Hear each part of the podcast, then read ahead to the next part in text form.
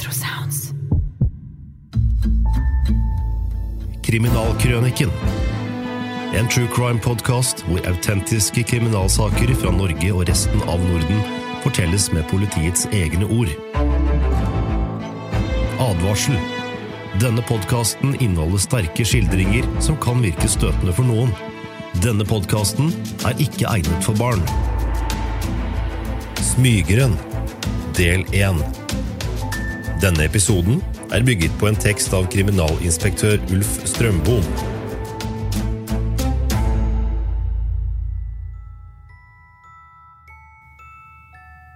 Tenk deg at du ligger i sengen og sover. Du er alene hjemme. Og plutselig våkner du av at en maskert mann står bøyd over deg. Han holder en kniv mot halsen din, og han truer med å drepe deg. Så fornedrer han deg og voldtar deg før han forsvinner sporløst igjen.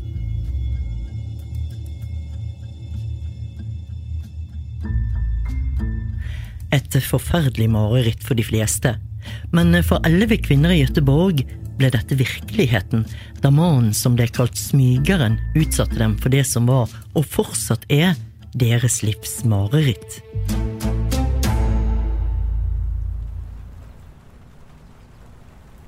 I 13 år hadde Smygeren vært en hånende skygge for politiet i Gøteborg.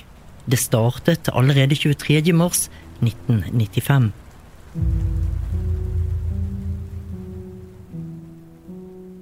Pamela er da hjemme i leiligheten sin i Nordre Gøteborg.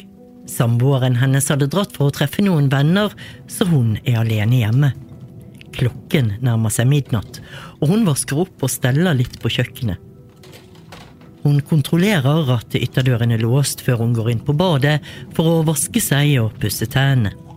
På kjøkkenet har hun latt det smale luftevinduet stå åpent for å få inn litt frisk luft. Hun går og legger seg, og hun sovner nesten med en gang.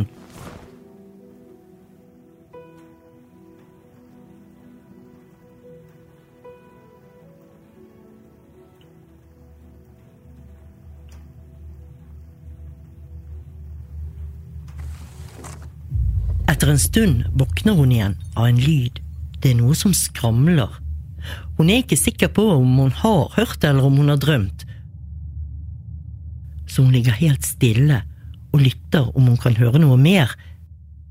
Men alt er helt stille. Hun er i ferd med å gli inn i søvn igjen idet soveromsdøren rives opp. I mørket kan hun ikke se så mye av den som står der, men hun ser med en gang at det ikke er samboeren hennes. Denne mannen er høy og tynn. Han har dekket til den nedre del av ansiktet. Med to lange kliv er han fremme ved sengen. Han har en kniv som han holder mot halsen hennes, og hun kjenner knivspissen mot huden. Han hvisker på gebrokkent svensk. Vær stille. Bare vær helt stille. Jeg ikke skader deg. Jeg bare har kjærlighet. Tankene fyker rundt i Pamelas hode. Hva kan hun gjøre? Er det smart å rope på hjelp? Vil noen i det hele tatt høre henne? Hva kommer han til å gjøre dersom hun roper eller gjør motstand? Kniven. Hva kommer han til å gjøre med kniven? Lamslått av skrekk kjenner Pamela at hun verken kan eller våger å gjøre noe. Hun prøver å si noe, men hun får ikke frem en lyd. Det er som om tungen har satt seg fast i ganen. Hun bare nikker forsiktig til mannen for å vise at hun har forstått. Mannen snur henne slik at hun ligger med ryggen mot ham. Hele tiden kjenner hun kniven mot halsen sin. Han begynner å lukte på henne. Som en hund lukter han på håret hennes, på ørene, på halsen hennes. Så slikker han henne på halsen og i nakken. Pamela bare lukker øynene hardt og kjenner hvordan hele kroppen hennes blir stiv av skrekk. Han fortsetter å lukte og slikke på henne. Han tar på brystene hennes. Og hånden hans beveger seg ned mot kjønnet hennes. Vær så snill, vær så snill, ikke rør meg, ber hun. Jeg er ikke farlig. Bare ha kjærlighet. ikke farlig. svarer mannen. Han drar av henne pysjamasbuksen og penetrerer kjønnet hennes med noen av fingrene sine, samtidig som han slikker henne på armen og på ryggen. Pamela gråter stille, men hun tør ikke gjøre noe. Hun aner ikke hvor lang tid det har gått.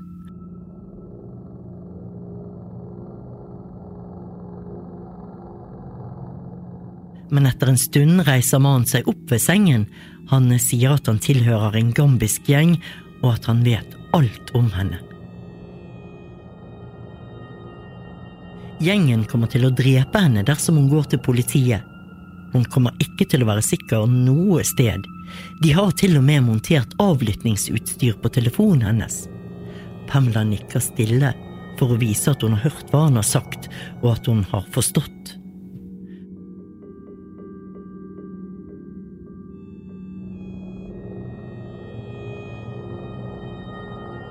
Plutselig er mannen borte like fort som han kom. Pamela er alene på soverommet igjen. Hun ligger og lytter, lytter etter den minste lyd.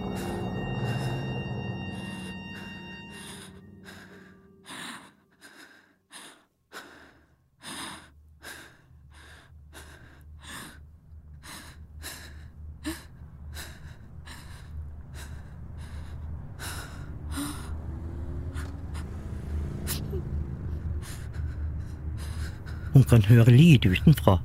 En moped som gir gass et sted. Det vanlige trafikksuset, men ellers ikke en lyd. Etter kanskje ti minutter våger hun å stå opp. Hun kikker forsiktig overalt i leiligheten, til og med inne på badet, men mannen er forsvunnet. Hun kikker også ut gjennom alle vinduene, men hun kan ikke se ham noe sted. På kjøkkenet ser hun en blomsterkrukke som har ramlet i gulvet og blitt knust. Pamela forstår at det er den veien gjennom det smale luftevinduet at mannen har kommet inn. Lyden hun hørte, måtte ha vært da blomsterkrukken falt i gulvet. Hun lukker fort igjen luftevinduet og sjekker at ytterdøren er låst. Etterpå ramler hun sammen på gulvet i gangen og bare gråter. Hun gråter så hele kroppen rister.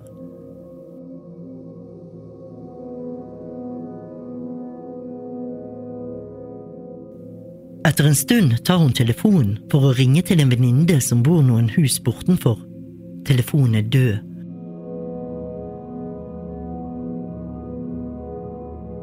Og hun får ingen summetone. Hun ser at ledningen er kuttet av nede ved gulvet. Forsiktig åpner hun ytterdøren, og hun kikker ut i trappeoppgangen. Hun verken ser eller hører noe.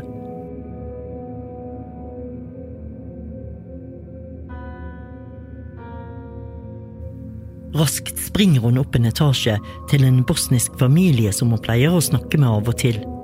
Hun ringer på dørklokken deres og banker på døren mens hun hele tiden ser seg over skulderen for å se om mannen kommer tilbake.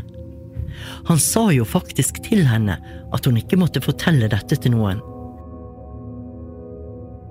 Etter det som føltes som en evighet, ble døren åpnet, og Pamela kunne fortelle hva som hadde hendt.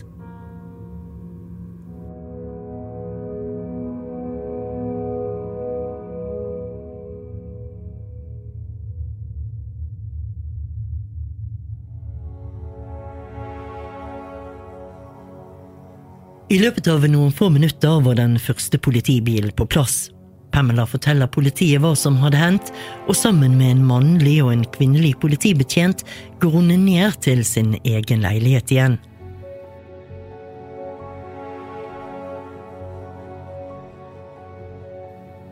Til tross for at hun er sammen med to politibetjenter, føler hun en skrekk for å gå inn der igjen.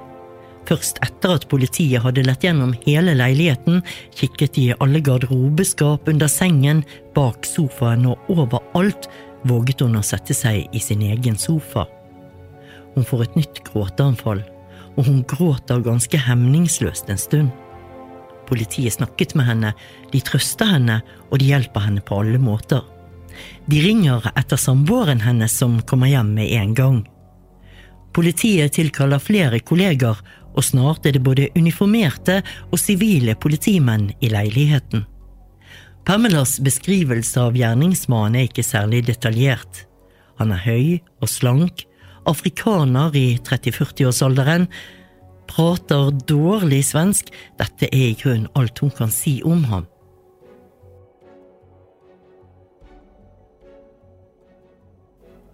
Sammen med samboeren blir Pamela kjørt i en politibil til Salgrenska sykehuset, der hun blir undersøkt av lege.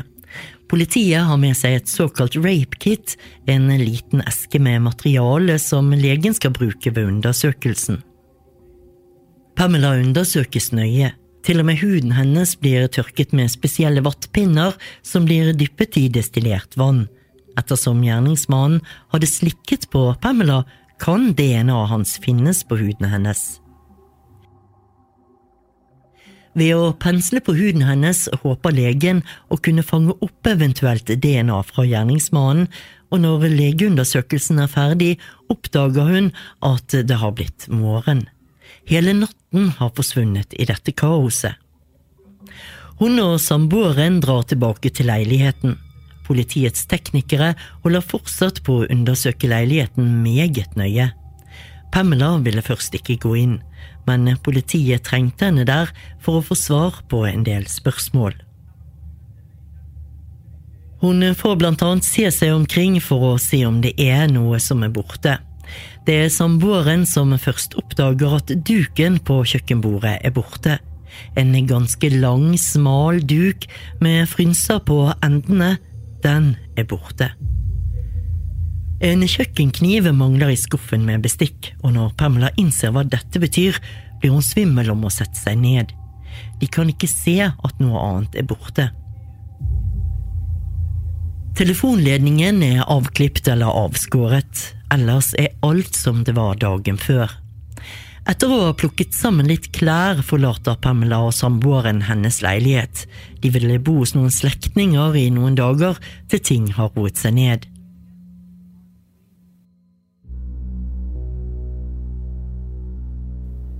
Den 17. august 1995 inntreffer neste hendelse. Jeanette har bodd i sin nye leilighet siden 1. juli. Hun har brukt dagen til å pakke ut de siste flyttekartongene og plassere ting ut i leiligheten. Om kvelden sovner hun i stol foran TV-en. Det er veldig varmt ute, så hun har satt balkongdøren på gløtt. Jeanette våkner av at en fremmed mann står bøyd over henne.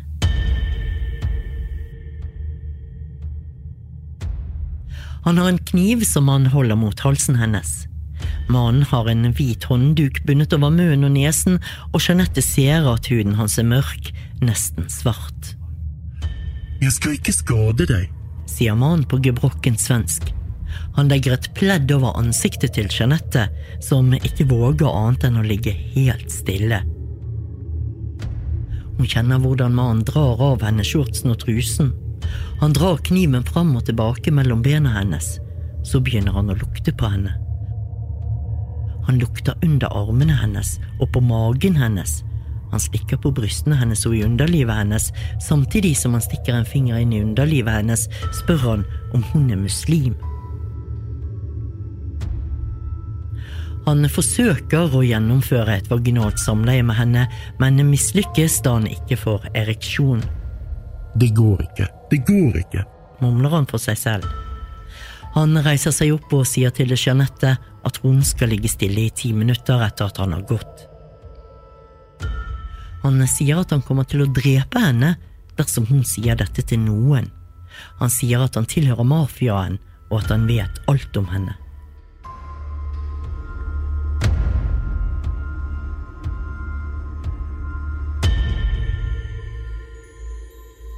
Deretter forsvinner han fra leiligheten. Jeanette hører at han går ut balkongdøren. Hun ligger stille et par minutter før hun tør å ta vekk pleddet som han har lagt over henne. Hun springer bort til telefonen, men den er død. Jeanette ser at ledningen er klippet av nede ved gulvet.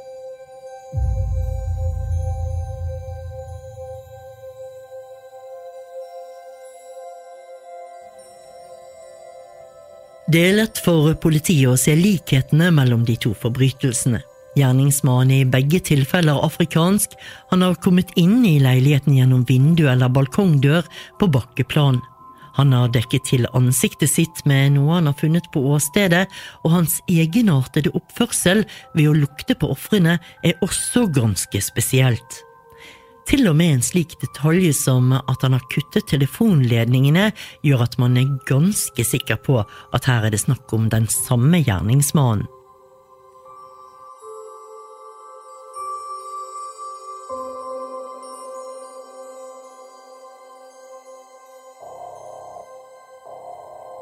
Det blir startet et omfattende politiarbeid.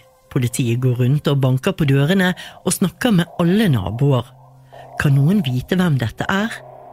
Har noen sett en afrikaner komme ut fra balkongdøren i Jeanettes leilighet? Finnes det andre observasjoner i nabolaget? Han snakker med vaktmestere og omsorgsarbeidere i området. Til og med postbud, butikkinnehavere og andre yrkeskategorier som arbeider i området blir spurt kan de tenke seg noen som kan passe til signalementet? Samtidig pågår en såkalt indre spaning. Det betyr at politiet går gjennom arkivene med alle kjente seksualforbrytere og kontrollerer om noen av disse passer til signalementet. Både Pamela og Jeanette får se gjennom fotoarkivene med menn som passer til beskrivelsen av gjerningsmannen. Til tross for anstrengelser er og forblir gjerningsmannen ukjent.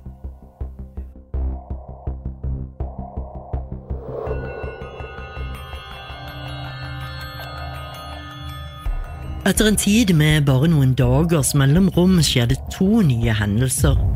Ofrene bor bare et par oppganger fra hverandre i samme gate.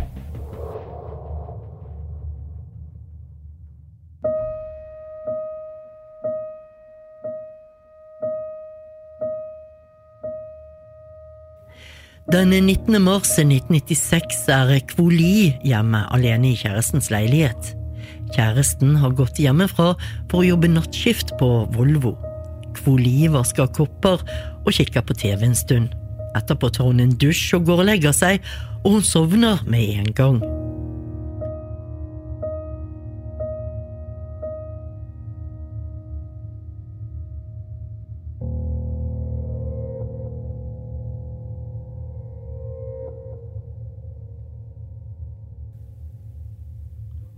Våkner av at noen tar på kroppen hennes.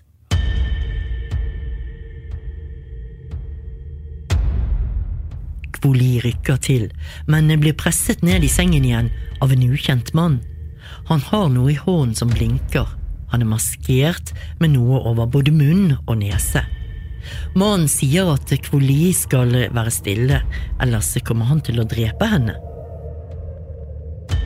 Deretter drar han dyne over ansiktet hennes, han trekker av henne pysjamasbuksen og beføler henne mellom bena. Han lukter på henne. Han snur på henne slik at han kan lukte på ryggen hennes og i knehasene. Han snur henne tilbake og kysser henne på brystene mens han stikker en eller flere fingre inn i underlivet hennes. Etterpå sier han at hun skal være stille og ligge rolig. Han sier at han vil komme tilbake senere, før han forsvinner fra leiligheten.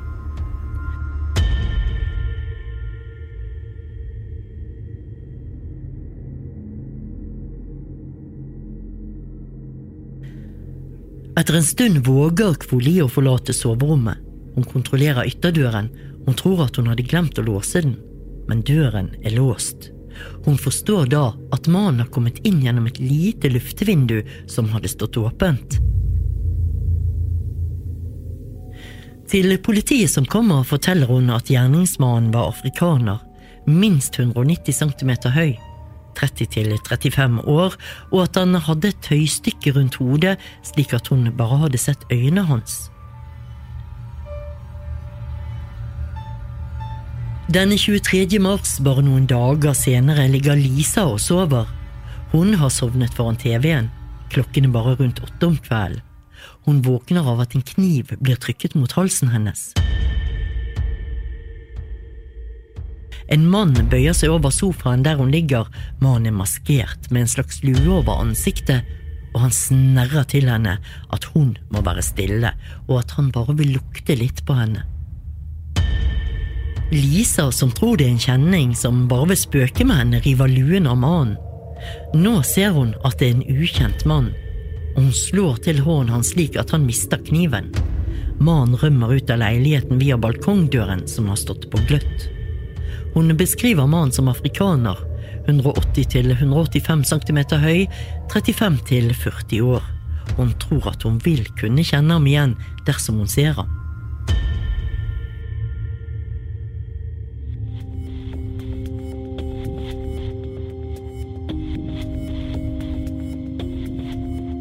Med to nye forbrytelser er etterforskningsledelsen nå sikker på at man står overfor en serievoldtektsmann. Ytterligere innsats settes inn, bl.a. med dør-til-dør-aksjoner. Mange hundre timer legges ned i forsøket på å identifisere den såkalte smygeren som media har døpt ham til. Men smygeren fortsetter å lure politiet.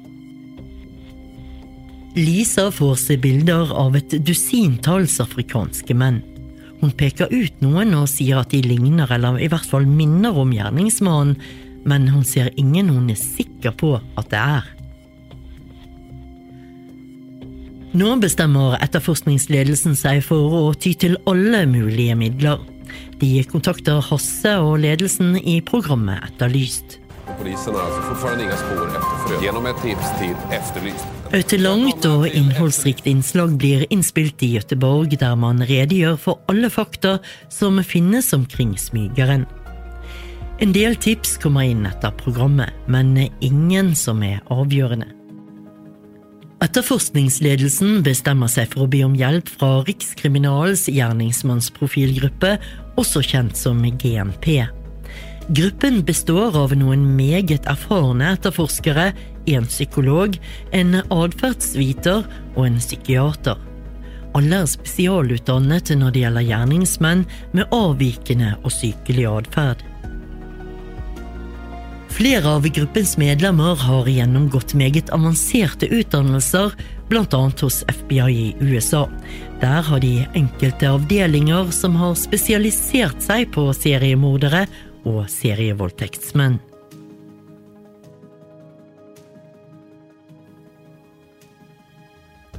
Noen av ekspertene fra GMP kom til Gøteborg og gikk gjennom de forskjellige etterforskningsdokumentene. Etter at de hadde analysert materialet, kom de med sin konklusjon. Det er en serievoldtektsmann som herjer i Gøteborg. Dessverre må nok politiet regne med flere voldtekter, var denne dystre konklusjonen. GMP-gruppen hadde også visse tips til etterforskningsledelsen. Profil på gjerningsmannen var at han sannsynligvis var enslig, og at han trolig bodde i nærheten av åstedene.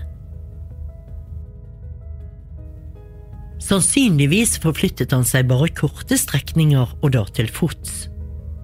Ytterligere en konklusjon, basert på mange års erfaring, var at mannen trolig var arbeidsløs, uføretrygdet eller lignende.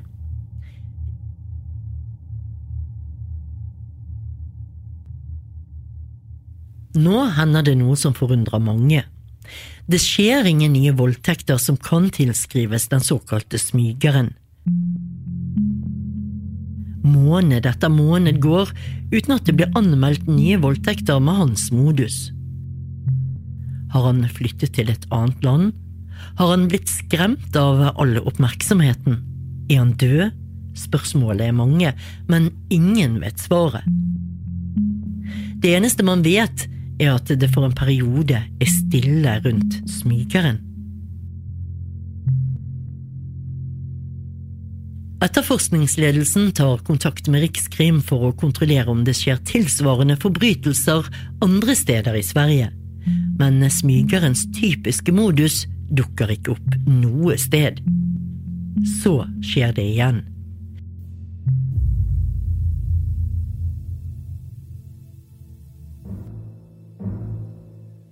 Du har nå hørt første del av Smygeren. Denne episoden er bygget på en tekst av kriminalinspektør Ulf Strømbom. Personene i handlingen har fått fiktive navn, og detaljer har blitt skrevet om for å gi anonymitet til ofrene. Forteller var Marianne Moe.